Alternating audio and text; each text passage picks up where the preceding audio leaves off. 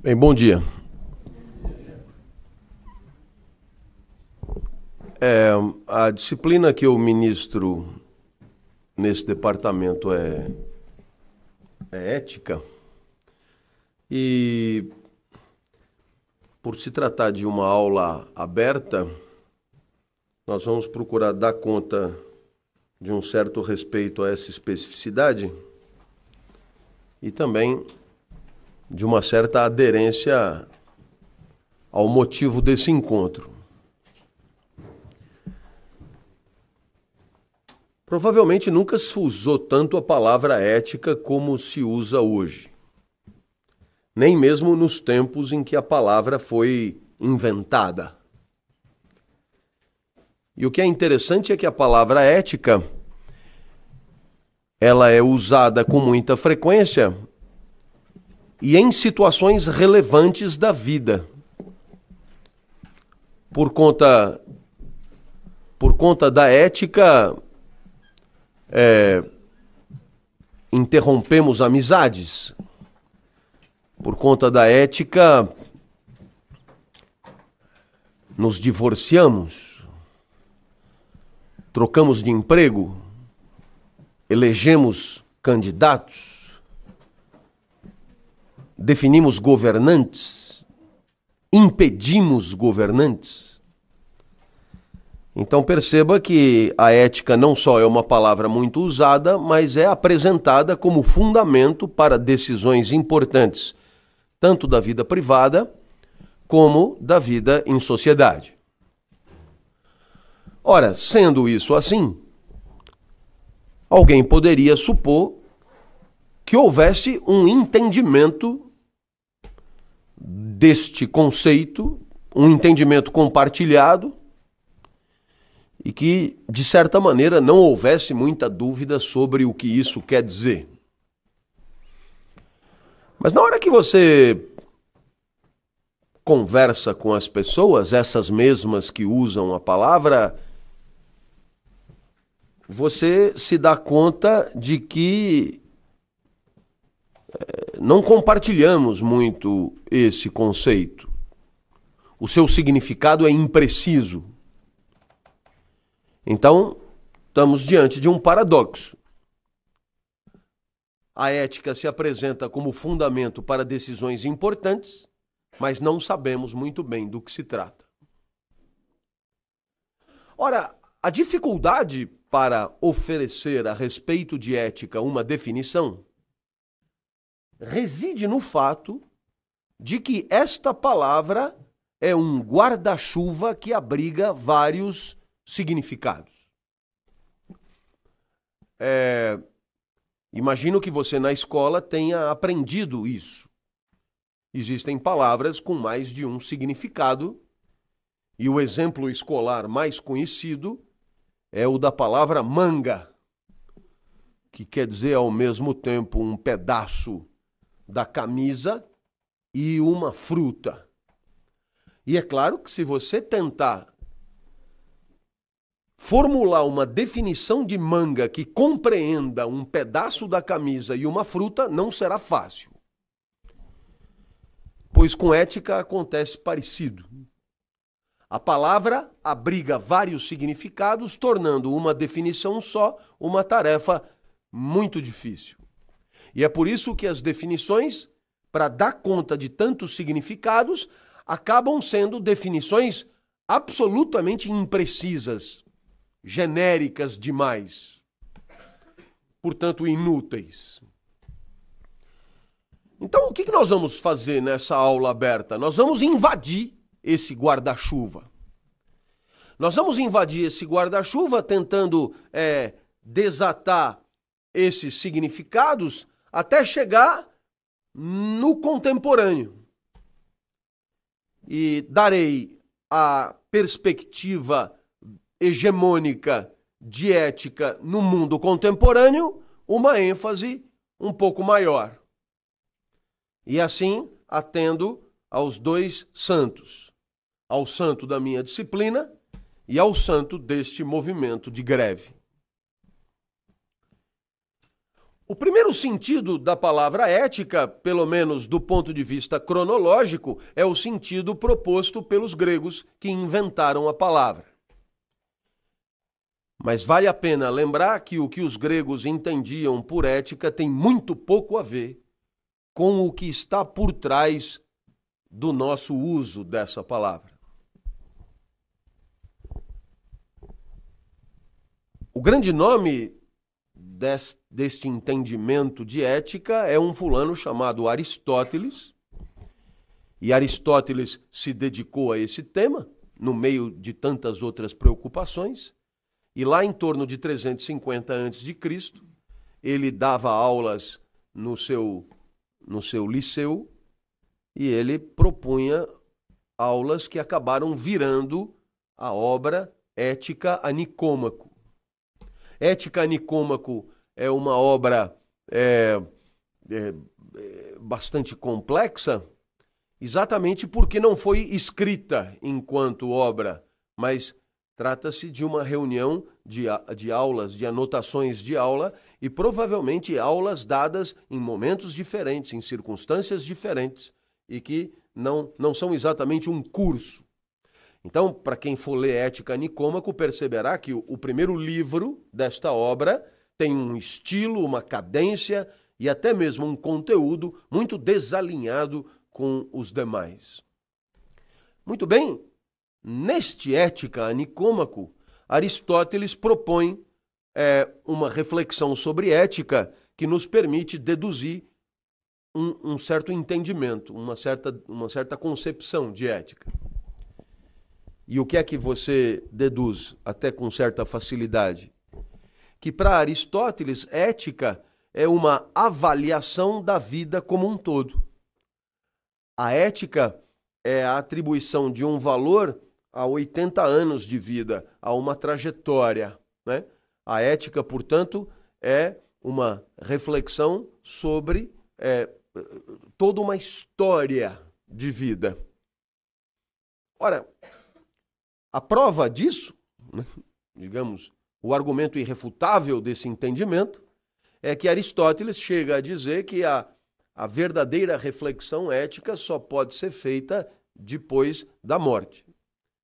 É, porque, é claro, até o fim da vida há chance de fazê-la bem-sucedida. E, portanto, a verdadeira avaliação ética provavelmente só possa mesmo ser feita por outra pessoa. Ora, é, eu espero que você perceba que essa preocupação sobre o valor da vida é uma preocupação que temos, todos nós. Né? Se você vai a um velório, você percebe que quase tudo o que é dito tem um pouco a ver com isso. Né? Viveu bem, veja só o que ele deixou, veja só isso, papapá, papá, né? Há uma, uma certa preocupação em oferecer daquela trajetória um, uma espécie de avaliação é, é, positiva é, no caso das pessoas que, que, que amavam o, o defunto. Né? É, mas essa avaliação da vida que nos preocupa, ela, ela existe, mas ela não se chama ética. Ninguém dirá que no velório as pessoas estão fazendo ética porque estão avaliando a vida de quem acabou de morrer. Então, perceba, é, toda vez que você abre um livro de Aristóteles e pinça uma frase e usa essa frase para oferecer fundamento a um argumento de debate ético contemporâneo, talvez fosse necessário fazer essa ressalva. O que Aristóteles entendia por ética não tem muito a ver com o que nós entendemos por ética. Feita essa ressalva, diga o que quiser. Até porque, é, por conta é, das preocupações centrais de Aristóteles, ele acaba fazendo inferências que são bastante hostis ao nosso entendimento, como, por exemplo, a defesa da escravidão. Então, nesse sentido, é preciso tomar todo cuidado na hora de pincelar. Né? Onde é que você encontra muito esse tipo de snobismo intelectual? É, você encontra no Supremo Tribunal Federal, por exemplo. Né? Quase sempre um voto de um é, ministro acaba se servindo de uma ou outra frase pinçada por algum assessor, né? É, é, porque cai bem.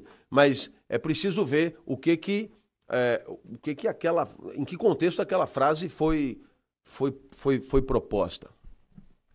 Bom, é, a pergunta importante que deva ser feita aqui é o que, que uma vida tem que ter tido para ser considerada boa? Né? É, no final das contas, é, é essa a principal pergunta da ética grega. E, naturalmente, você hoje teria critérios, é, esses critérios, eu costumo dizer, você encontra em anúncio fúnebre, né? Dependendo da importância da pessoa, você tem um anúncio fúnebre no jornal e ali você tem, deixou isso, deixou em uma empresa, fez isso, fez aquilo, etc. Então, aquele relatório da vida parece oferecer subsídios para uma avaliação da vida. Viu só? Se ele fez tudo isso é porque a vida dele valeu a pena ser vivida. Mas é a resposta de Aristóteles para essa pergunta também não tem muito a ver com esses dados desse relatório. Porque, no fundo, o critério para avaliação da vida, na perspectiva aristotélica, é o pleno desabrochar das próprias potências, né? o pleno desabrochar dos próprios talentos. Né? Seria a atualização das próprias potências. É, e no final das contas, essa atualização das próprias potências é o que Aristóteles chamava de virtude. E não é por acaso que a sua ética é, sobretudo pelos americanos, ela é batizada de ética das virtudes. O que é a virtude? A virtude é a conversão em performance de um talento, de uma potência, de uma possibilidade. Né? Então, é, nesse sentido, nós poderíamos é, nos encher de exemplos, mas o Neymar jogava futsal na Portuguesa Santista aos oito anos. E ele era bom de bola. Mas molequinho bom de bola com oito anos tem aos quilos. Na Portuguesa Santista e em qualquer lugar. Só que o Neymar terminou fazendo parceria com o Messi no Barcelona, enquanto muitos outros ali estão trabalhando no Porto de Santos, né? carregando caixa. Então, é, a resposta de Aristóteles para isso ela é muito clara. Você pode viver uma vida que, que, que, que contenha as condições para o pleno desabrochar dos teus talentos ou não. Ou não. E, no final das contas, é, esse é o grande critério. E o que é que os gregos é, dizem em coro? A chance de você viver mal é muito grande. Ela é muito maior do que de você viver bem. Por razões que todos nós conhecemos. Nem todos nós temos a possibilidade de viver uma vida capaz de, de de aperfeiçoar nossos talentos. Por quê? Porque algum dia precisamos manter a casa, precisamos trabalhar, precisamos trabalhar onde tem emprego, precisamos ganhar dinheiro, precisamos isso, precisamos aquilo, e o fato é que acabamos, de certa maneira, é, desprezando aquilo que, para os gregos, é o que há de mais importante. Na verdade, para os gregos, é a única coisa verdadeiramente importante. César Cielo também, é, em Santa Bárbara do Oeste, né? Jogaram ele na piscina, molequinho, parece um, um espermatozoide, assim, né? E, e, e molequinho espermatozoide você encontra os quilos. Mas quem vai virar campeão olímpico é ele. Os outros estão ensacando laranja em limeira, né? É, aí é você para o pensamento grego, você tem essa perspectiva, a perspectiva de que alguns poucos viverão uma vida boa, porque né, serão mudas de planta que é, é, vingarão, e uma imensa maioria levará uma vida infeliz, porque, porque são mudas de planta que não vingarão.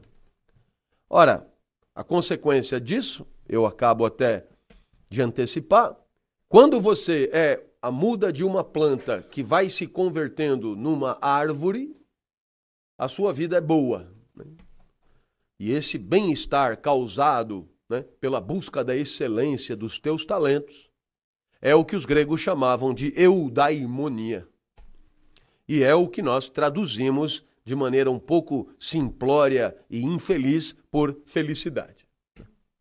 É, então, quer dizer, se você perguntar o que é a felicidade na perspectiva aristotélica, sim, é uma, é uma situação em que você se sente bem, ótimo, mas você se sente bem por conta de uma razão muito específica. Você se sente bem porque você está buscando e alcançando a excelência naquilo que é a tua praia, naquilo que são os teus talentos. Né? Então, por isso você se sente bem. Nós poderíamos, é, para tentar desvincular essa concepção de ética de grandes vedetes midiáticas, poderíamos pegar alguém comum. Então, para pegar alguém comum, eu me apresento. É, então, dizer, até os 13 anos vivi pessimamente. E o que significa viver pessimamente para o olhar dos gregos? Por acaso é viver sem ter o que comer? Não, isso não é uma preocupação. Né? Por acaso é viver, é, sei lá, em orfanato? Não, não é uma preocupação. Porque quando você diz que viveu mal, significa você viveu inutilmente. E viver inutilmente é viver ignorando qual é a tua praia, qual é o teu talento, qual é a tua virtude, qual é. A... Porque isso é a sua razão de ser no universo. Então, até os 13 anos, muito mal, até o dia que o professor de geografia que com certeza foi professor de vocês aqui, ele pega e diz: Eu não vou dar aula. Não é à toa que tem vindo parar aqui. É, eu não vou dar aula, é, é, é só seminário, né? E, e, e para mim caiu o petróleo. Então, eu fui, eu era um CDF ortodoxo, né? É, eu fui estudar sobre o petróleo no livro, eu me preparei no meio do semestre chegou a minha vez. E o que, que aconteceu quando eu subi no palquinho do colégio para dar o seminário do petróleo? Eu percebi que aquele momento era diferente de todos os outros momentos da minha vida até então. E por quê? Porque naquele momento eu estava, é, de certa maneira, ajudando né, a minha vida a desabrochar aquele que era o meu maior talento. Então, isso para dizer que todos temos talentos e podemos viver no sentido da busca da sua excelência ou não. Então, claro, é, por que razão é, isso, esse paradigma, ele, é, ele deve ser bem entendido? Porque ele ajuda a responder uma série de perguntas clássicas do nosso assunto. Né? Se eu perguntar para você, como deve ser a educação familiar? Como deve ser a educação familiar? O que, que, que, que os pais devem oferecer?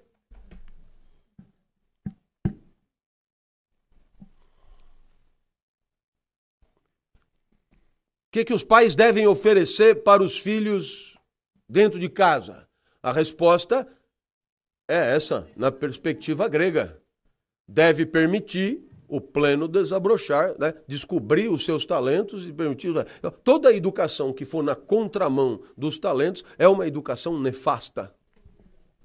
Então, aqueles pais que porventura é, identificam é, quais são as profissões que têm mercado e constrangem o filho a estudar aquilo que vai ter mercado e, portanto, dinheiro, estão provavelmente é, é cometendo o pior dos horrores na perspectiva dos gregos, porque estão inviabilizando uma trajetória no sentido da virtude. Se você perguntar o que deve ter uma escola para ser boa, identificar os talentos e permitir o seu pleno desabrochar. Portanto, uma escola que pasteuriza, uma escola que iguala, uma escola que ignora a especificidade dos talentos, é uma escola que comete o pior dos horrores poderíamos dizer nos dias de hoje, qualquer uma, praticamente. Né? Há duas ou três exceções por aí e tal, mas são absolutamente marginais e não aprovam na FUVEST. Porque para aprovar na FUVEST é preciso mesmo é, saber o que é uma organela citoplasmática. Foda-se qual é a tua virtude. É preciso saber isso. Né?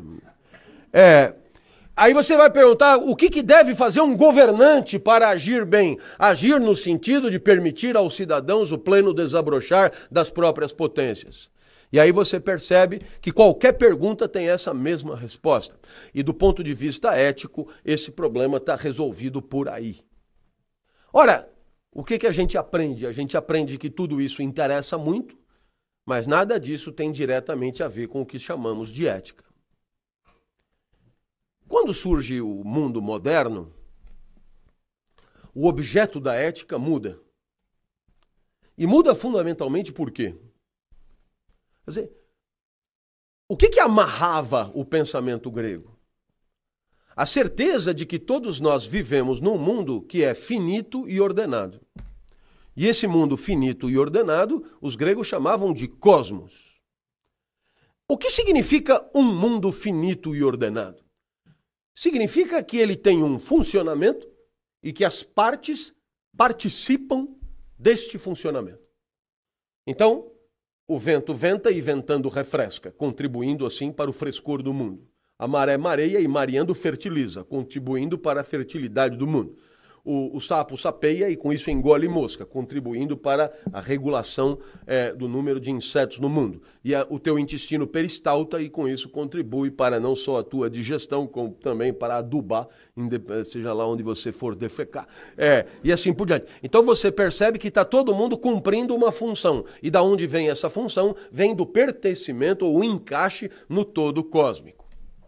Então, só faz sentido pensar numa vida regida por uma finalidade, e nesse caso, a minha finalidade seria ensinar, porque o universo precisa de alguém que ensine, e portanto já me deram talentos para isso, porque tudo isso tem a ver. Né? Eu tenho talentos porque é isso que que o universo espera que eu faça, que eu ensine, essa era a convicção dos gregos. Então, tudo isso só faz sentido se o mundo for finito e ordenado. Porque aí, claro, o vento venta, a maré mareia, o intestino peristalta e tudo parece uma grande máquina ou um grande organismo vivo. O problema é que quando chega no mundo moderno, o homem faz algumas descobertas desesperadoras. Eu estou falando de 1600, com Copérnico, Galileu e Newton. Eu estou falando de descobertas terríveis, como por exemplo a de que talvez o mundo, entendendo o mundo não como planeta geográfico, mas como tudo que existe, né, o mundo não seja nem finito nem ordenado. Bom, eh, quando alguém diz o mundo não é finito nem ordenado, algum idiota poderia responder: bom, isso para mim não muda nada. Eu continuo aí. Mas é preciso ser um idiota. Por quê? Porque se você passou séculos acreditando que a referência para a vida, né, na hora de escolher, como é que eu vou escolher? Eu vou escolher em função de um ajuste, como se o universo fosse um quebra-cabeça? Na hora que o cara diz que não tem o quebra-cabeça, eu perdi a referência. Em outras palavras, o que é que Galileu me informou? Que eu não nasci para dar aula. Porque ninguém nasceu para porra nenhuma. Porque não tem o para, porque não tem o todo ordenado. O todo ordenado é a condição das finalidades das partes. Não tendo o todo ordenado, não tem finalidade para as partes. Sim, mas então alguém perguntará: então o que nós estamos fazendo aqui? Pois é. Porra nenhuma, na verdade. É, o, o que que acontece? Deram uma trepada antes e aí você nasceu. Então, você não nasceu para, você nasceu por. Né? É matéria encontrando matéria e as coisas vão acontecendo. Ah, não, mas logo se nota que eu, né, sou um espírito iluminado para alcançar essa finalidade. Porra nenhuma, nem espírito, nem iluminado, nem finalidade, nem porra nenhuma. O que aconteceu é que deram uma bimbada, você nasceu, você foi apanhando, como todo mundo vai apanhando, e o caminho que você encontrou foi esse. E eu vim da aula porque não sobrou mais nada para eu fazer, né? Que é o que costuma acontecer com 99% dos professores. É, é você. É, é uma, né? É, é, é, é, a última esperança, né? Quer dizer, é, então, claro, é, você percebeu que mudou a maneira de pensar? Por quê? Porque você olha e diz: bom, e agora? Vamos todos nos matar? É uma alternativa que eu já defendi muitas vezes, junto com o reverendo Moon, que era meu parceiro, mas não foi o que aconteceu. O que aconteceu é que as pessoas continuaram aí. Então agora a ética, a partir do século XVII, passa a ser um esforço, passa a ser um esforço muito grande para encontrar soluções de convivência sem o cosmos. Em outras palavras, o que é que o homem do século XVII teve que aceitar? O fato do universo não ser ordenado não significa que não tenhamos que buscar uma vida a melhor possível e, como vivemos com os outros, uma convivência a melhor possível. E o que é mais legal não é que o universo era ordenado e por alguma intervenção divina ele se desordenou. Ele sempre foi desordenado. Então o cosmos era uma tentativa de conferir pelo homem uma ordem à realidade que a realidade ela mesma nunca teve. Então, o que, que muda agora? Nós vamos ter que encontrar outras formas de ordenar o mundo que não sejam cósmicas, mas que dependam da nossa própria deliberação. Então eu espero que você tenha entendido. A ética passa a ser uma reflexão sobre a nossa convivência aceitando que nós vivemos e convivemos sem nenhuma ordem pré-existente e que pré-determina a nossa existência. Então, qual é a premissa? A premissa é, é a de que Podemos viver de um jeito, mas podemos viver de outro, de outro, de outro, de outro. Podemos conviver de um jeito, mas podemos conviver de muitos outros jeitos. E, portanto, a convivência, a melhor forma de conviver, dependerá da nossa inteligência. Antes não era assim. Antes eu tinha que descobrir. Eu tinha que descobrir uma finalidade que pré-existia a mim. Eu nasci para dar aula. Então, essa relação minha com dar aula é uma relação que justifica eu ter nascido. Ela é anterior a mim mesmo. Então, o máximo que eu posso fazer é me aperfeiçoar nessa atividade que se impõe a mim. Na hora que isso desaparece, porque não tem cosmos, ficamos livres para discutir como queremos conviver. E a ética, longe de ser uma tabela de certo ou errado, é uma disposição para a, essa discussão. E, portanto, para encontrar as melhores formas de convivência, discussão essa protagonizada por quem convive. Então você percebe que o sentido da ética mudou completamente? E o seu objeto também. A ética deixa de ser uma avaliação da vida como um pacote e passa a ser a avaliação de condutas isoladas, que é o sentido que você conhece e que te é mais familiar. Então, se eu lembrar a você que César Cielo foi flagrado com doping. Então, do ponto de vista ético moderno, o comportamento é inaceitável, porque o, o comportamento ele frauda uma situação de igualdade que é fundamental no espaço competitivo. Então, o doping é uma traição às condições de convivência estabelecidas por quem convive. Mas na perspectiva grega, em que a ética é a luta pelo desabrochar mais excelente possível das próprias potencialidades?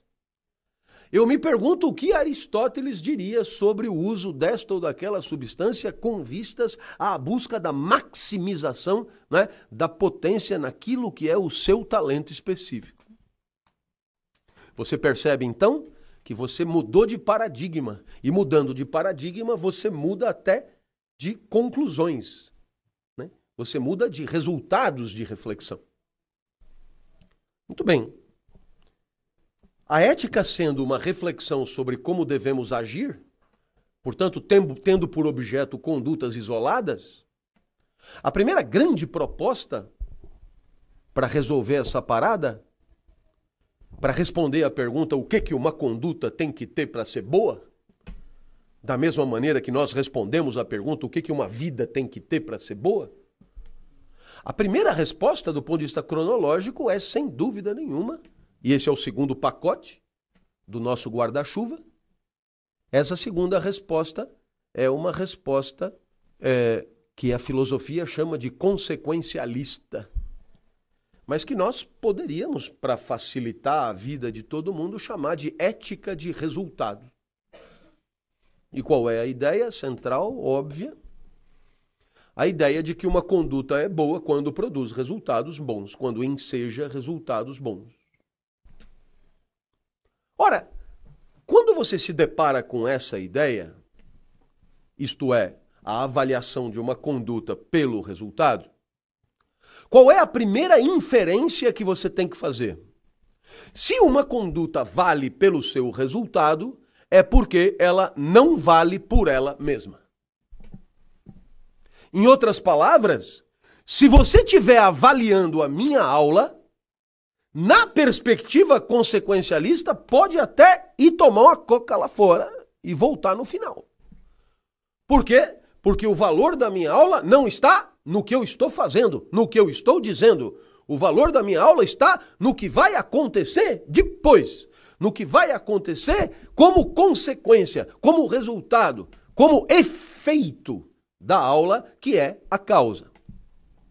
Então, naturalmente, a, a, a, a relação é óbvia: consequências boas, conduta boa. Consequências ruins, conduta ruim. Ótimo. Então, a pergunta que qualquer um agora tem que fazer, já que o valor da conduta está na consequência, então me diga qual é a boa consequência. E é claro que essa pergunta é uma pergunta que enseja debates acalorados até hoje. E por que enseja debates acalorados até hoje? Porque o consequencialismo é uma maneira de pensar a ética presente até hoje. É, eu me atreveria até a dizer que para muitos o consequencialismo é a tese ética hegemônica.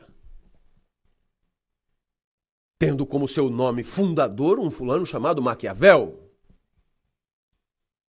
Então, age bem. Então, eu, eu, vamos dar exemplos do cotidiano em que está presente o consequencialismo.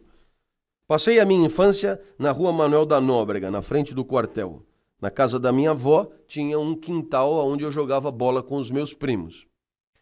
Um belo dia, jogando bola com os meus primos, eu devia ter oito, nove anos, eu dei um chute e depois do chute ouviu-se um estilhaço. O meu pai apareceu. Né? Brinco, o vento venta, a maré mareia, o sapo sapeia e o meu pai me estapeia, né? Da própria natureza das coisas. Né? E o meu pai disse: vai ver o que você fez. Então eu, naquela idade, já propus uma singela reflexão. Como eu posso ir ver o que eu já fiz? Se o que eu já fiz jaz no passado, o que eu vou ver jaz no futuro, provavelmente eu jamais encontrarei lá o que eu já tenha feito. Então, claro, foi motivo para mais tapas. Porque o que o meu pai queria dizer e o que ele deveria ter dito não é vai ver o que você fez. O que ele deveria ter dito é: vai ver o que aconteceu por conta do que você fez. Vá ver a consequência, vá ver o efeito, vá ver o resultado. E o resultado foi a ruptura de um vaso de porcelana chinesa que tinha sido trazido para minha avó, direto de Assunção. E ali então o resultado conferia valor ao meu chute. Mas o consequencialismo está em todo lugar. O vendedor sai para vender, quando ele volta às 18 horas, está lá o dono da loja na porta. E o que é que o dono da loja na porta pergunta para o vendedor às 18 horas? Vendeu? E o vendedor diz: vendi. Pô, do caralho. Show de bola espetacular. E a conduta do vendedor é avaliada pelo resultado venda. Murici Ramalho. E aí, Murici, jogou bem? Não sei, ganhei, velho. É, esse negócio do futebol é isso, você tem que ganhar. Agora, se jogou bem, se a tática, se não sei. Se você ganhando, tá tudo certo. Perdendo, tá tudo errado. Agora, o resto, isso aí. É, você percebe que Murici é um consequencialista radical. Se você quiser, eu continuo. Mas o que é que começa a te inquietar?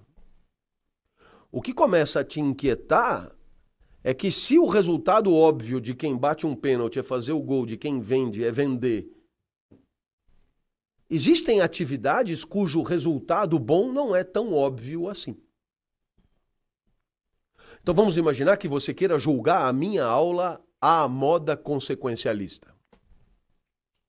Então, naturalmente, é, temos que avaliar as consequências. Então, alguém poderia dizer: bom, a boa consequência é o aluno ter aprendido técnicas e instrumentos que, aplicados no mercado de trabalho, permitirão ao aluno sobreviver no mercado de trabalho. É uma consequência, não é? é até certo ponto, muito plausível. Mas eu te garanto que se a consequência é essa, a minha aula vale zero. Eu me gabo de não ensinar nada que seja aplicável. Né? Quem for aplicar o que eu ensino será demitido. Não é? Não, não, não, então, nota zero. Nota zero. Mas alguém poderia dizer: não, o bom resultado não é esse, lógico. O bom resultado é o seguinte: é permitir ao aluno discutir criticamente as práticas do seu fazer profissional, no sentido de aperfeiçoá-las, no sentido de torná-las, digamos, mais, mais adequadas às necessidades da sociedade, blá, blá, blá. Aí a minha aula já não é tão ruim. Mas aí alguém poderia levantar: não, não, não, não, não, não, não, eu ainda vou mais longe. O bom resultado de uma aula é permitir ao aluno discutir criticamente a sociedade aonde vive, aí a minha aula já é nota 8.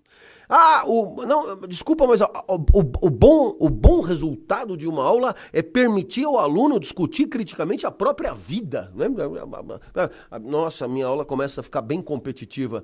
E eu não sei se você percebeu, mas trocando a porra do resultado, troca o valor da aula. Então, a pergunta é: qual é o bom resultado das condutas para que eu. Se eu tenho um problema que eu não vou julgar a conduta pela conduta, vou julgar pelo resultado, agora eu tenho um outro problema é, qual é o critério do bom resultado? Qual é o critério né, da boa consequência, já que a conduta, já que a ética aqui é consequencialista? Então, é claro, para responder isso, vão surgir duas grandes respostas diferentes, que são dois pacotinhos dentro desse segundo pacote. O primeiro pacotinho, que atende pelo nome de pragmatismo, dirá o seguinte: a boa conduta é aquela cujo efeito é permitir ao agente conseguir o que ele queria. Eu vou repetir para você degustar. A boa conduta é aquela que permite ao agente conseguir o que ele queria. Então, qual é o bom resultado? É você conseguir o que você queria na hora de agir. Então, né, naturalmente, isso significa o quê? Uma boa campanha política do marqueteiro é a eleição. Elegeu, ganhou, vendeu. Pragmatismo é isso. Eu consegui o que eu queria conseguir agindo e, portanto, eu só posso ter agido bem. E qual é o grande argumento pragmático? Ninguém nunca poderá dizer que eu agi mal tendo conseguido o que eu queria conseguir. Mais do que isso. Ninguém nunca poderá dizer que eu agi bem no fracasso, na derrota, no insucesso.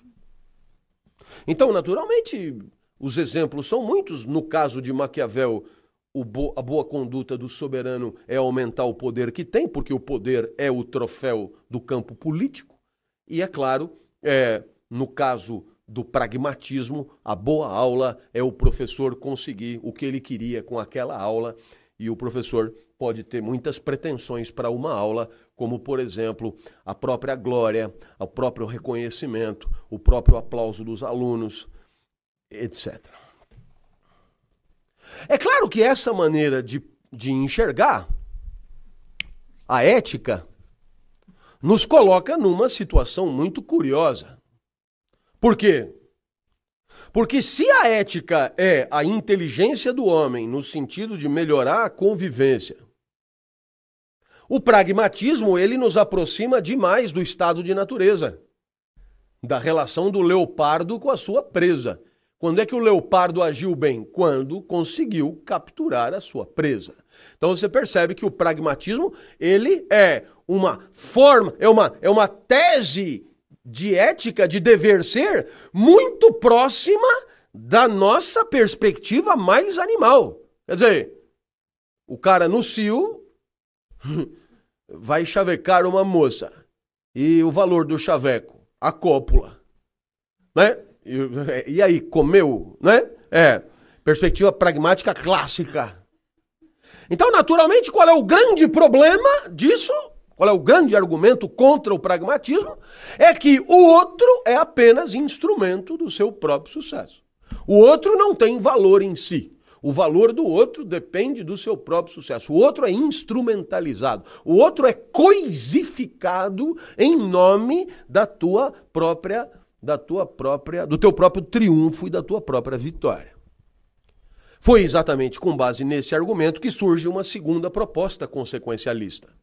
Que vai dizer o seguinte: não, não, não. A boa consequência não é a satisfação e a vitória de quem agiu. A boa consequência é outra. A boa consequência é a felicidade do maior número. E quem vai propor isso? vai acabar recebendo o nome de utilitarista. Então, o pragmatismo e o utilitarismo são as duas grandes correntes éticas consequencialistas. Para o pragmatismo, o critério da boa consequência é o sucesso do agente. Para o utilitarismo, o critério da boa consequência é a felicidade do maior número, que pode não coincidir, claro, com o sucesso do agente. Bom, é, é, exemplo de aplicação utilitarista no mundo contemporâneo. Primeiro, o paradigma da responsabilidade social. Se o lucro da empresa é uma perspectiva pragmática, né? a responsabilidade social é uma perspectiva utilitária. Né? Felicidade do maior número é o que está por trás né, das propostas de responsabilidade social. Muito bem. É, exemplo número dois: você está numa, numa escola privada, numa faculdade privada, e aí você é avaliado pelo aluno. A avaliação que o, o aluno faz do professor é certamente muito mais cheia de consequências do que a avaliação contrária. Né, que o professor faz do aluno. E aí passa lá uma, uma, uma, uma, um teste de satisfação, ótimo, bom, regular ou péssimo, gostou e tal, e aquilo é o valor do, do professor aplicação do, da, da, do, do, utilitarismo, a felicidade do maior número. Né? 80% acharam que o professor é ótimo, então ele é ótimo. Bom, é... nesse momento você poderia virar para mim e dizer: bom, então a aula acabou, já resolvemos o problema. Mas o que é que o que é que eu tenho para te dizer é que essa maneira de pensar tem muitos furos. E, eles são muitos, e eu vou oferecer dois ou três só para você ficar convencido. O primeiro grande furo é você reduzir o valor da conduta à consequência. E, portanto, aceitar que o valor da conduta nada tem a ver com a própria conduta. Porque qual é a, a inferência que você tira disso? É que o vendedor vendeu bem quando vendeu. Agora, claro, a pergunta é: e se ele mentiu para vender? Aliás, nada mais óbvio. Porque, claro, quanto mais você disser a verdade sobre um produto, mais você reduz as chances de venda. Quanto mais você mentir, no sentido de dissimular suas imperfeições, ou mesmo mostrar que aquele produto não é exatamente aquilo que a pessoa precisa, você reduz as suas chances de venda. Portanto, mentir para vender é uma iniciativa óbvia. Se você acha que a venda, que a conduta do vendedor é boa apenas em função do seu resultado, você é obrigado a aceitar que eticamente a mentira é aceitável. E isso é, no mínimo, discutível. Segundo problema. O segundo problema é que quando você age e você produz efeitos, pelo, pelo consequencialismo, a impressão que dá é que tudo é assim. Eu dou aula e você se deixa afetar. E aí, e aí acaba isso e começa outra coisa. Então, eu passo a ficha e você, por conta do que você sentiu, você marca ótimo, bom, regular ou péssimo e vamos embora e tá ali o valor da aula. Ora, não é assim. E não é assim por quê? Porque a minha aula produz, por exemplo, o efeito de tédio em alguns, né? Mas este efeito, ele é talvez o menos relevante. Por quê? Porque o que é que se espera? Espera-se que o que eu estou ensinando faça parte do teu repertório, integre o teu repertório, integrando o teu repertório, vai ser costurado com outros elementos do teu repertório, valeu, obrigado. E sendo costurado com outros elementos do teu repertório, vai fazer parte da tua intelecção forever. Eu estou me preparando para dar aula em Harvard, né? É, forever, quer dizer, eu não, eu não sei se você percebeu, mas os efeitos da minha aula não acabarão mais. Então a pergunta que eu faço é: por que caralhos? Você vai julgar a minha aula só pelo seu bem-estar momentâneo. Né? Tô com uma puta cólica e esse cara não me deixa no banheiro, nota zero para ele. Pô, esse é o, é o efeito mais idiota que você possa considerar. Por quê? Porque os efeitos nobres de uma aula você só vai poder avaliar ao longo de toda a vida. E como é que você vai esperar toda a vida para dar nota pro professor? Aí você tem um problema importante. Valeu. Ora, você quer mais um problema? Pois então, mais um problema do consequencialismo. No que diz respeito ao utilitarismo, age bem aquele que enseja a felicidade do maior número. Primeiro, o que cargas d'água será felicidade? Dois, o que demônio será a felicidade do maior número? Três, o que, que eu faço com o menor número? Porque, claro, se eu alegrei o maior número, eu entristeci o menor número. Aí você diz, não, mas se você alegrou o maior número, foda-se o menor número. Que nem elas, elas já saíram, né? A aula é boa. É, bom, pensando assim, você matou 6 milhões de judeus com o aplauso da maioria. Né? Com o aplauso da maioria, você matou todos os grandes mestres espirituais. Cristo foi morto assim, Sócrates foi morto assim, e os que não foram mortos foram quase isso. Né? Com o aplauso da maioria. Né? O aplauso da maioria protagonizou as maiores barbaridades da história da humanidade. Então, nem sempre a felicidade do maior número é um bom critério. Pelo contrário, dirá Platão, se o maior número está aplaudindo, é porque é bosta. Olha o maior número, você vê, né? Você vai no Faustão, audiência do Faustão, todo mundo. Ei! Aí vai lá, o cara diz o contrário do que diz o primeiro. Ei! Aí aparece vídeo cacetada. O japonesinho se destaboca da árvore, cai de cara no chão, arrebenta a cara e focaliza aquela bailarina. Mulher descerebrada e ela sorri. o japonesinho se fudeu. Coisa de louco, velho. E, e, aquilo é a maior audiência da televisão. É, o aplauso do maior número é chancelar a demência em estado avançado. Não, né, mas é, é, você percebeu que essa perspectiva é uma perspectiva. Né? E, e, e a avaliação do professor? Eu trabalhava numa escola particular, tida como, como boa, e a gente, a secretária já dizia: semana que vem tem avaliação. Então você, na semana anterior, é, escola de Playboy, dava aula só com piada. Era o show do Ari Toledo. Chegava no dia seguinte, era 10 de todo mundo, aí você continuava o curso. É,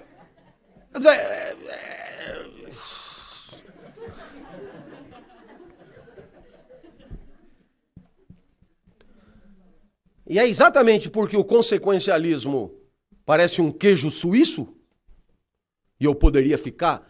Né? Essa, esse negócio da felicidade, você imagina, o grande nome do utilitarismo é um inglês chamado John Stuart Mill. É muito interessante, hein? porque eu recomendo a leitura, porque os ingleses escrevem para todo mundo entender. Eles têm esse mérito. Mas John Stuart Mill, por exemplo, ele, ele, ele responde o que é felicidade. E felicidade é prazer, né? o máximo de prazer e o mínimo de dor. Bom, bacaninha. Agora, aí eu te pergunto: como cargas d'água alguém vai agir e com isso antecipar a conduta que ensejará o máximo de prazer e o mínimo de dor em todos aqueles que serão afetados pela sua conduta? Não sei se você me entendeu. Quer dizer, a perspectiva consequencialista é assim: no máximo, dá para você discutir o valor da conduta depois. Ah, alegrou a maioria, bombou no Facebook. Então é porque você agiu bem. Mas na hora de agir, como que eu vou saber o que vai alegrar? Então é o tipo da teoria que só funciona depois que as grandes cagadas foram feitas. Porque senão precisaria ter uma, uma equipe de pesquisa permanente do meu lado. Olha, eu vou dar aula. Quem tá lá? Aí já tem que chegar antes os caras. O que que te alegra? Oh, me alegra isso, isso, isso. E aí eu vou montar a aula em função daquilo. Eu sei lá quem é você. A maioria dos que estão aqui eu nunca vi. Então como é que eu vou pautar a minha aula para aumentar a tua alegria e diminuir a tua dor? Se eu não sei quem você é. Eu vou dar a minha aula e foda-se. Se alegrou, alegrou.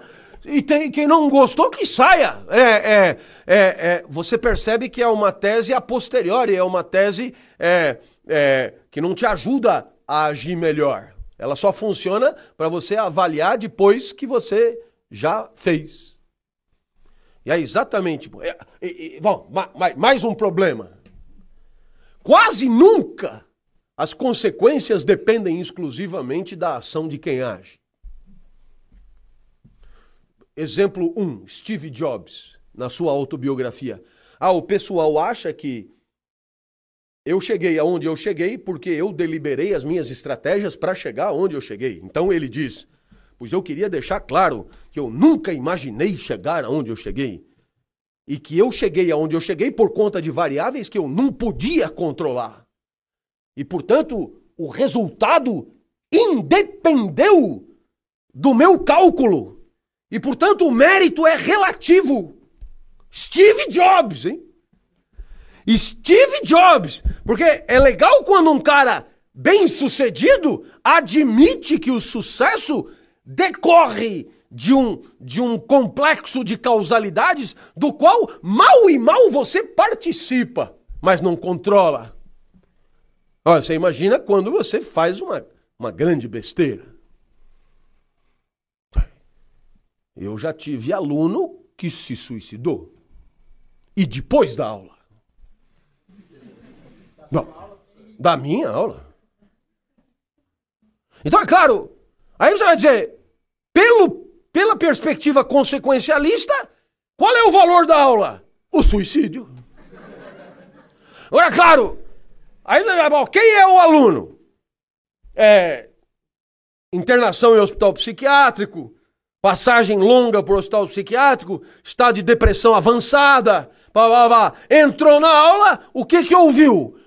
Ouviu que depois de Copérnico, Galileu e Newton, nós somos uma centelha de energia que vai do nada para lugar nenhum e acha que é alguma coisa. Estamos sem âncora, circulando no infinito, sem nenhum ponto de partida nem de chegada, a vida não tem sentido algum, né? E portanto há o azar do encontro espermático com o óvulo que nos fez começar a sofrer, porque você não sofreu antes de nascer, pode lembrar, não há sofrimento antes do nascimento e não haverá sofrimento depois da morte, disse eu.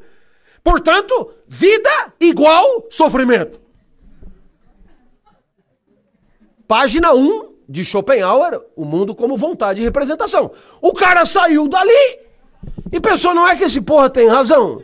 Se eu não sofri antes de nascer, não vou sofrer depois de morrer. Pegou um 38, abreviou a existência e você não vai julgar a minha aula pelo que ele fez. Por quê? Porque o que ele fez dependeu muito mais de tudo que ele já viveu do que das coisas que eu acabei de dizer para você. E eu espero que você não tome medidas é, comparáveis.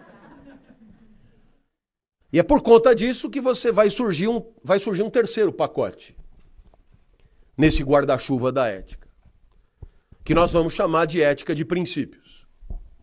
O grande nome é um filósofo alemão chamado Kant. E qual é a ideia central do pensamento de Kant? A ideia central do pensamento de Kant é essa. É um absurdo julgar a conduta pelos seus efeitos.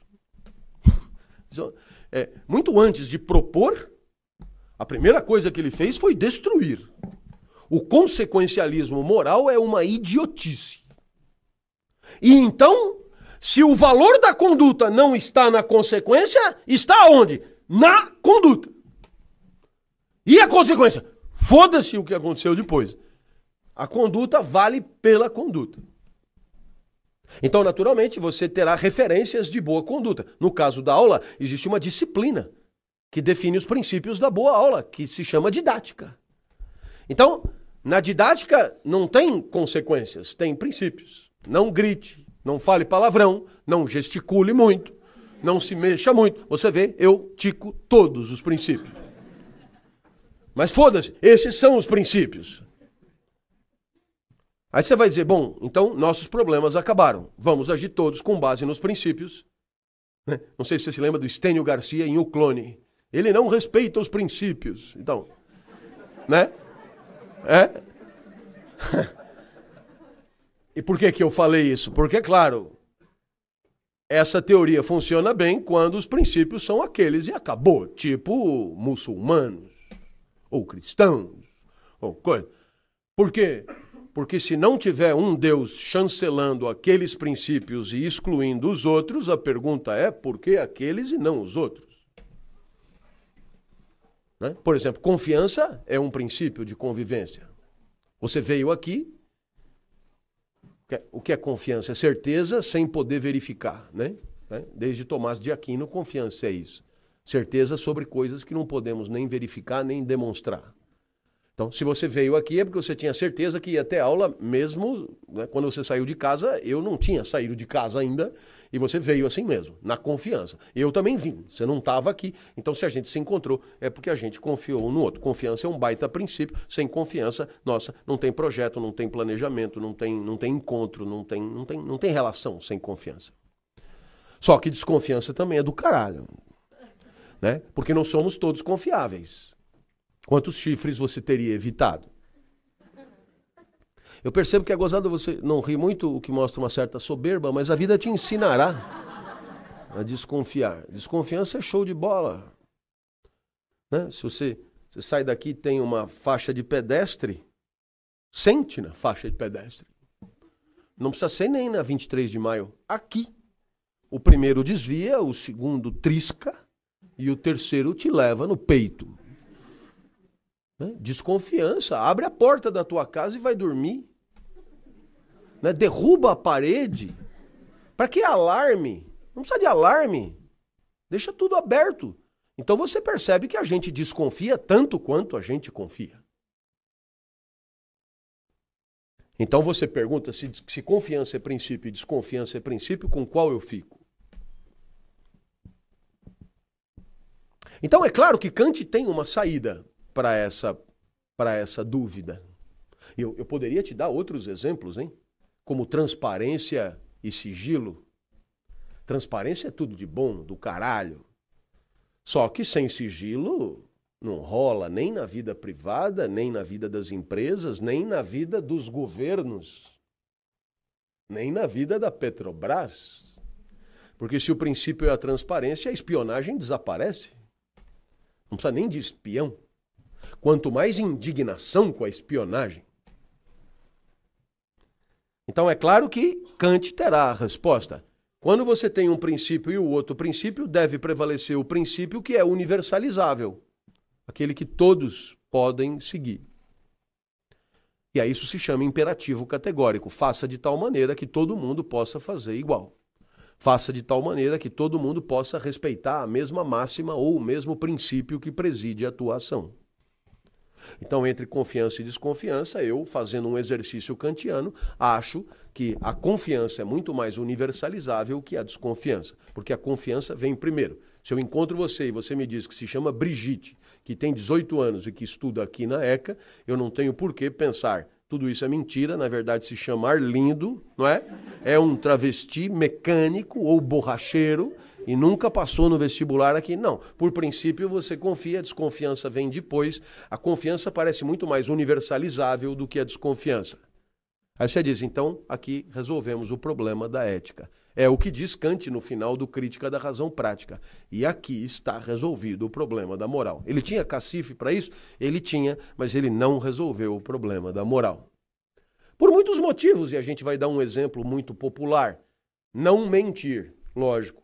A verdade é universalizável, a mentira não é universalizável. Só que se alguém vem perseguir injustamente o teu filho na tua casa, você não vai dizer que o teu filho está escondido ali. Então você percebe que mentir é preciso. E é exatamente isso que Edgar Morin vai chamar de complexidade dos valores. Cada valor tem o seu contrário como valor também. E não há como ter uma perspectiva de universalidade que faça com que alguns valores sejam uma tabela que todos tenham que respeitar. E é por isso que vai surgir um quarto pacote no século XX. E é esse pacote que eu queria destacar aqui com vocês. E esse pacote vai atender pelo nome de ética da discussão, ética da argumentação. E que tem como maior nome um fulano chamado Habermas. Então qual é a ideia? Se os valores são complexos, se os princípios são contraditórios, Quais deverão prevalecer? Naturalmente que alguns dirão aqueles que Maomé disse. Outros dirão aqueles que Cristo disse. Mas na falta deles, alguém poderia dizer: prevalecerão os princípios que nós escolhermos para a nossa convivência. E esses princípios serão escolhidos no calor de um debate, no calor de uma discussão. Então perceba que a ética ela não é mais a preocupação de avaliar a vida como um todo, como era para os gregos. A ética também não é a reflexão sobre a conduta com base em resultados. E tampouco é o respeito a princípios universais. A ética, agora, é uma atividade ininterrupta de discussão, de argumentação sobre quais princípios queremos sejam os princípios norteadores da nossa convivência. Portanto, esse lugar abstrato e imaginário que na verdade se traduz numa oportunidade permanente de levantar a mão e dizer quais são os princípios que considera justos, é o que Habermas vai chamar de esfera pública ou de espaço público. No final das contas, esse lugar é o lugar aonde todos somos convidados a frequentar para dizer para onde queremos ir e por que caminhos respeitando que regras. Então, naturalmente, esse espaço público será tanto mais rico, tanto mais, é, é, eu diria, competente para definir fins e meios, quanto mais povoado ele for de bons argumentos. E nesse espaço de depuração de maus argumentos, você não vencerá sempre mas você sempre terá a oportunidade de apresentar seu ponto de vista a respeito de para onde aquele coletivo deve ir, segundo você. Ora, vamos dar um exemplo tipicamente institucional. Eu me lembro de uma de uma senhora presidente de uma empresa aqui no Brasil, é uma empresa multinacional, líder mundial de produção de papel. E essa senhora me liga e diz: Professor, os americanos escreveram um código de ética na matriz, a gente traduziu, publicou e o código não colou. Aí eu falei, pô, também pudera. Eles estão tão longe, não é?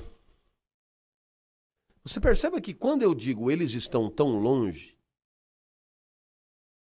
que tipo de concepção de ética eu estou assumindo? Por acaso é uma reflexão cósmica sobre o valor da vida? Certamente não, porque aí não interessa se é americano, japonês ou paraguaio. Por acaso é uma reflexão sobre é, critérios universais de eficácia? Também não, porque aí não importaria nada disso também. Por acaso é o respeito a princípios universais? Também não, porque aí também não faria diferença ser americano ou não. Quando eu digo que os americanos estão tão longe, eu estou partindo de uma perspectiva de ética, que é uma perspectiva de ética argumentativa, aonde quem convive decide os destinos da convivência. Existe uma grande tentação de chamar isso de condição democrática da ética discursiva. Desde que você entenda que o democrático aqui nada tem a ver com a origem da palavra. Porque se você usa uma palavra grega que tinha sentido numa realidade grega e você importa para um paradigma de ética que nada tem a ver com o paradigma dos gregos, então, evidentemente, você pode semear muito mais confusão do que outra coisa. Então, podemos perfeitamente evitar. Quanto mais gente participar da definição de para onde queremos ir, mais rica será a discussão e melhor será a depuração dos maus argumentos em favor dos bons argumentos. Aí ela pegou e falou: Por isso que eu estou ligando para o senhor. O senhor não é americano, o senhor não quer escrever o nosso código? Eu falei: Não. Por que não? Ah, porque não vai colar também. Por que não vai colar? Aí eu peguei e falei: Imagine que a senhora tenha arrumado um namorado novo. Ela gostou do exemplo. Indivíduo bem posto, perfumado, cabeleira lanzuda, gel no cabelo, passagem pela Europa, fala várias línguas, gentil, abre a porta do carro para a senhora entrar, puxa a cadeira, fala de vinho, fala de jazz. A mulher interrompeu e disse: Aonde tem isso? Eu falei: Eu não sei, eu estou inventando. Quando eu encontrar, eu apresento para a senhora.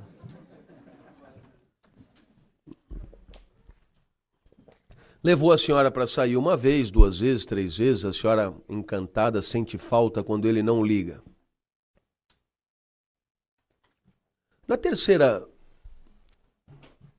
na quinta vez, digamos, a senhora notou alguma coisa de diferente e percebeu uma clara intenção de aproximação física.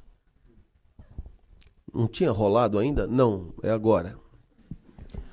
Levou a senhora para sair, mesmo Salamaleque, puxou cadeira, puxou porta. Levou para o apartamento, mais um cálicezinho de vinho do Porto. A senhora estava para lá do ponto. Quando finalmente o homem chegou. E para sua lembrança, uma pegada meio violenta. Ele já chegou com dois tabefes que a senhora nem lembra direito aonde bateram, sem falar do cotovelo na boca, do estômago. Eu pergunto para a senhora, tudo bem um tapinha para dar uma animada? Aí ela falou: O senhor é doido. Falei, por que tem regra para dar uma bimbadinha com a senhora? Claro que tem, não é de qualquer jeito. Falei, então faz o seguinte: quando o homem chegar de novo, breca, liga para mim. Eu sou seu professor de ética de confiança e eu mando por e-mail um código de ética dessa bimbada. Considerações preliminares, manipulação glúteo mamilar, palavras românticas, posições autorizadas, posições proibidas, orifícios interditados. Como tirar um negócio sem sujar. Dá umas duas páginas, a senhora lê e transa. Pô, o senhor é doido. Por que sou doido? Porque se somos nós que vamos transar, somos nós que temos que saber como é que vai ser a transa. Eu vou repetir para você degustar. Se somos nós que vamos transar, somos nós que temos que saber como é que vai ser a transa, não o senhor. Então eu pensei, agora ela entendeu. Mas ela não entendeu. Falou, o que isso tem a ver com o que eu estava falando? Falei, dona, minha filha de oito anos teria percebido a ligação. Se eu não sou parte legítima para definir as regras da sua bimbada, porque não sou eu que vou bimbar, argumento que a senhora usou e com o qual eu concordo, então eu também não sou parte legítima para definir as regras da produção de papel. Pela mesmíssima razão, eu não vou produzir papel é quem vai produzir papel que vai definir as regras da produção de papel. O senhor está dizendo que sou eu que tenho que escrever? Não, todo mundo que for transar aí.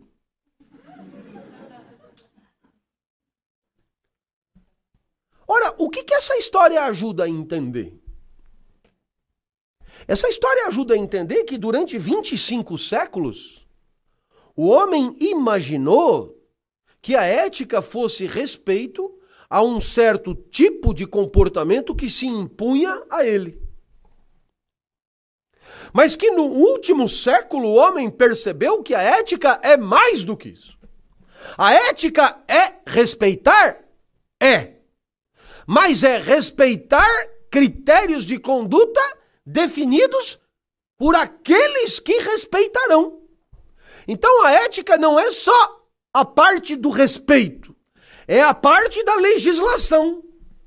Existe, portanto, na ética uma perspectiva, para falar agora em filosofia espedante, uma perspectiva normativa e uma perspectiva aplicada. Em outras palavras, para fazer ética, não se trata só de respeitar as regras do jogo, mas participar da definição das regras do jogo. É por isso que eu costumo dizer aos meus alunos aqui no primeiro dia de aula, a primeira aula é obrigatória, só a primeira, para você dizer o que você quer. E eu digo como é que eu vou dar aula. E a gente monta um contratinho. Depois você volta se quiser. Quem é meu aluno nessa escola sabe, eu jamais passarei lista ou farei chamada. Não tenho mais idade para isso. Faz se vem se quiser.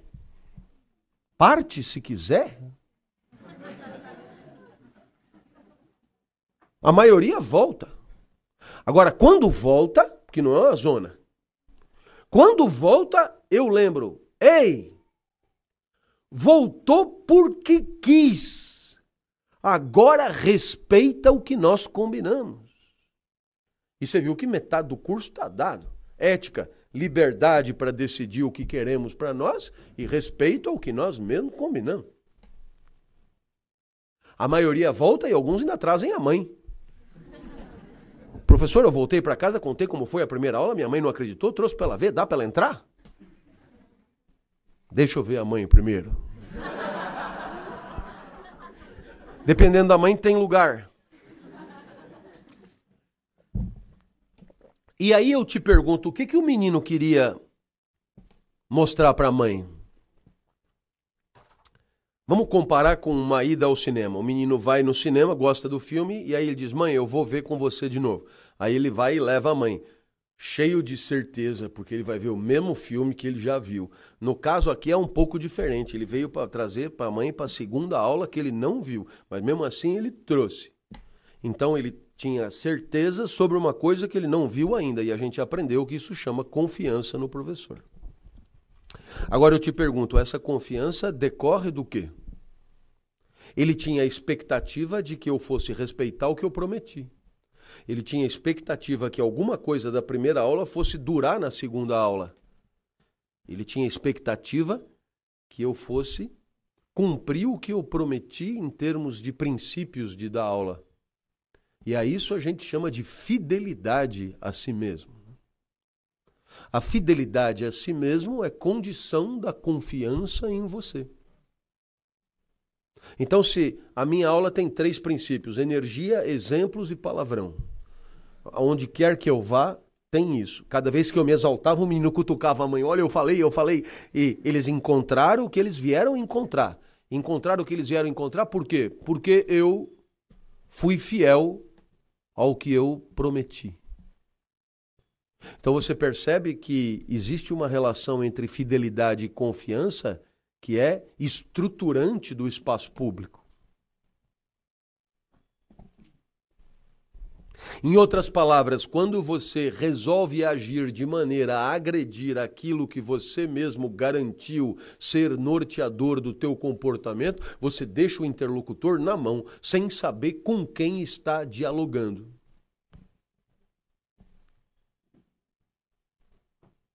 Agora é tentador ser infiel. É tentador ser infiel porque as eleições estão chegando. E você sabe que é, um eventual candidato é sempre alguém cujo único grande objetivo é a eleição ou a reeleição. E, portanto, eu tenderei a agir sempre alinhado àquilo que eu considero o mais facilitador da minha eleição ou da minha reeleição. Se porventura eu tenha dito outras coisas antes em desarmonia com isso, esqueça o que eu falei. E toda vez que você diz esqueça o que eu falei, você está dando ao outro o direito de não confiar em você. Sobretudo num mundo em que você vale pelo que você vende. E para vender, toda vez que você é respeitador de uma sequência de princípios, você perde as oportunidades que exigem de você um comportamento em desarmonia com os teus princípios. Portanto, o respeito aos princípios é sempre limitante. É limitante de situações de prazer é limitante de situações redutoras da dor. Por isso, quando John Stuart Mill dizia age bem aquele que aumenta o prazer e diminui a dor, está dizendo o quê? Que você faça o que for preciso. Como o prazer e a dor mudam de condição, você também mude de jeito de agir. E o que é que propõe Kant no lugar? Seja respeitador aos princípios. Se causar dor, isso é outro problema. Porque só sendo respeitador dos princípios, evidentemente, você terá condição de que confiem em você. Eu espero que você tenha percebido que nessas condições, em que a ética vai depender daquilo que nós mesmos decidirmos para nós, e portanto a ética depende de grandes regras de embate argumentativo, é absolutamente imprescindível o respeito né, ao direito de fala de todos os interlocutores. E toda vez que há cerceamento a esse direito de fala, quer por intervenção policial, quer por qualquer ato de truculência, o que você faz é fraturar as condições de possibilidade do espaço público de definir as regras e mais do que, a, do que as regras, os destinos daquela sociedade. Uma senhora aluna minha daqui, da terceira idade, me propôs para dar uma palestra na Liga das Senhoras Católicas. E ela disse: professor, eu vou cobrar caro e o dinheiro vai todo para as crianças com câncer. O senhor topa? Claro que topo. Aí ela disse: só mais uma coisinha. Eu adoro o seu jeito, mas tem umas amigas mais idosas do que eu. Não dá para o senhor dar uma maneirada? Como dar uma maneirada? Pega leve, sobretudo nos palavrões. Não custa nada. Custa, dona, custa eu. Eu sou assim. Ou eu vou e vou com tudo, ou eu não vou. Agora, pensa quem vai comprar os ingressos. Ah, todo mundo que adora o senhor vai bombar, o senhor vai ver. E o que, essas pessoas esperam de mim? Ah, que o senhor faça o que o senhor sempre faz. Eu vou repetir, que o senhor faça o que o senhor sempre faz. O que ela quis dizer? Que o senhor seja fiel ao seu jeito de agir. Peguei e falei, então por que nós vamos trair essas pessoas? Avisa aí suas amigas higienizadas se quiser ajudar as crianças com câncer, vai ser com caralho e tudo.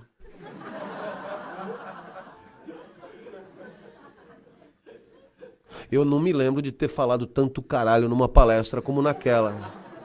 Eu só vi as velhotas se acomodando na cadeira. Mas depois do quinto caralho, eu acho que encaixou, elas se afeiçoaram. E já pediram outra. Professor, só não esquece do caralho. Todo mundo está pedindo. Já tem certas coisas difíceis de deixar em casa, dona. Os valores da gente. Então, claro, quando você chega no quinto pacote e que você se depara com uma ética que é hoje chamada de ética da pós-modernidade, estilo Bauman, Lipovetsky, Vátimo, Maffesoli, Lyotard, etc. Alguém poderia dizer, bom, sendo a pós-modernidade o respeito aos valores do baixo ventre, o respeito aos desejos é uma putaria generalizada. Não! É, é, é tudo menos isso. Porque no final das contas, sendo um respeito às tuas inclinações, e não mais a princípios enrijecidos, a ética pós-moderna pode te permitir perfeitamente beijar 40 bocas numa noite ou nenhuma. Ou nenhuma. Agora é claro, por se tratar de um esforço de aperfeiçoamento da convivência, é absolutamente imprescindível numa ética desse tipo que haja respeito pelas inclinações do outro. Porque, obviamente, ninguém chamaria a ética pós-moderna de uma ética de estupradores.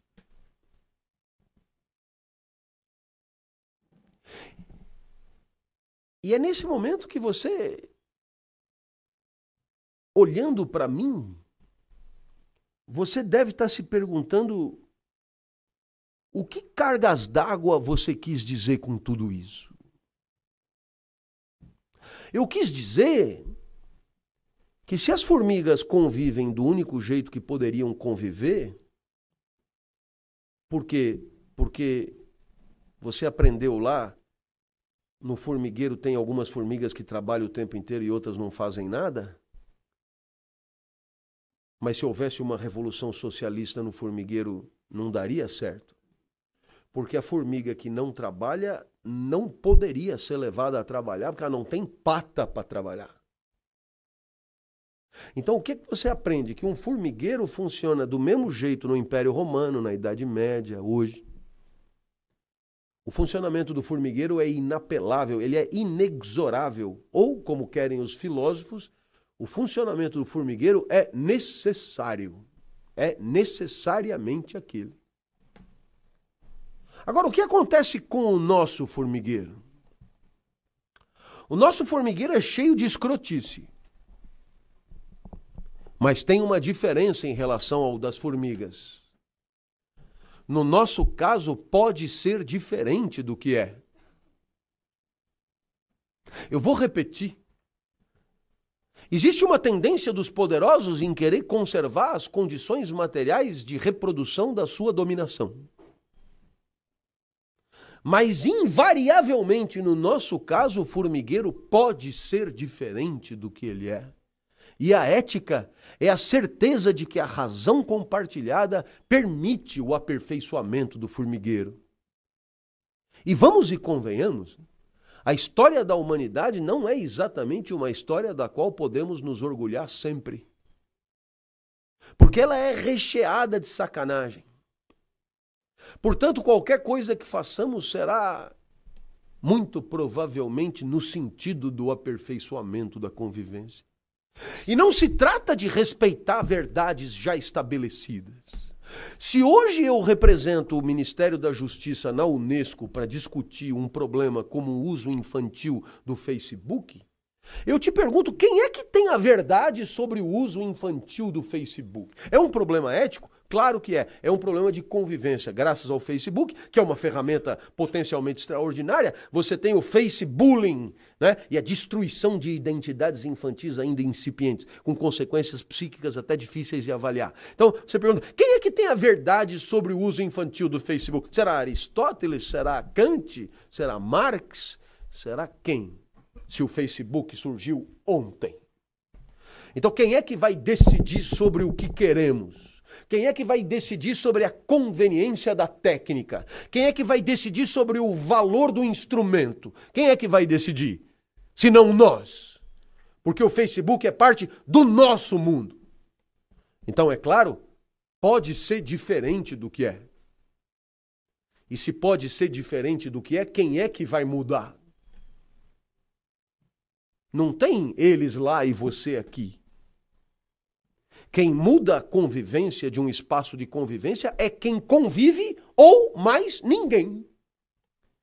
E a ética hoje, muito mais do que uma tabela de certo e errado, é uma disposição arejada e permanente para a argumentação ininterrupta sobre problemas virginais e irrepetíveis que temos que encarar a cada segundo e que sexta-feira não existiam ainda. Pois não. Tá? Claro? Então, então eu acabei.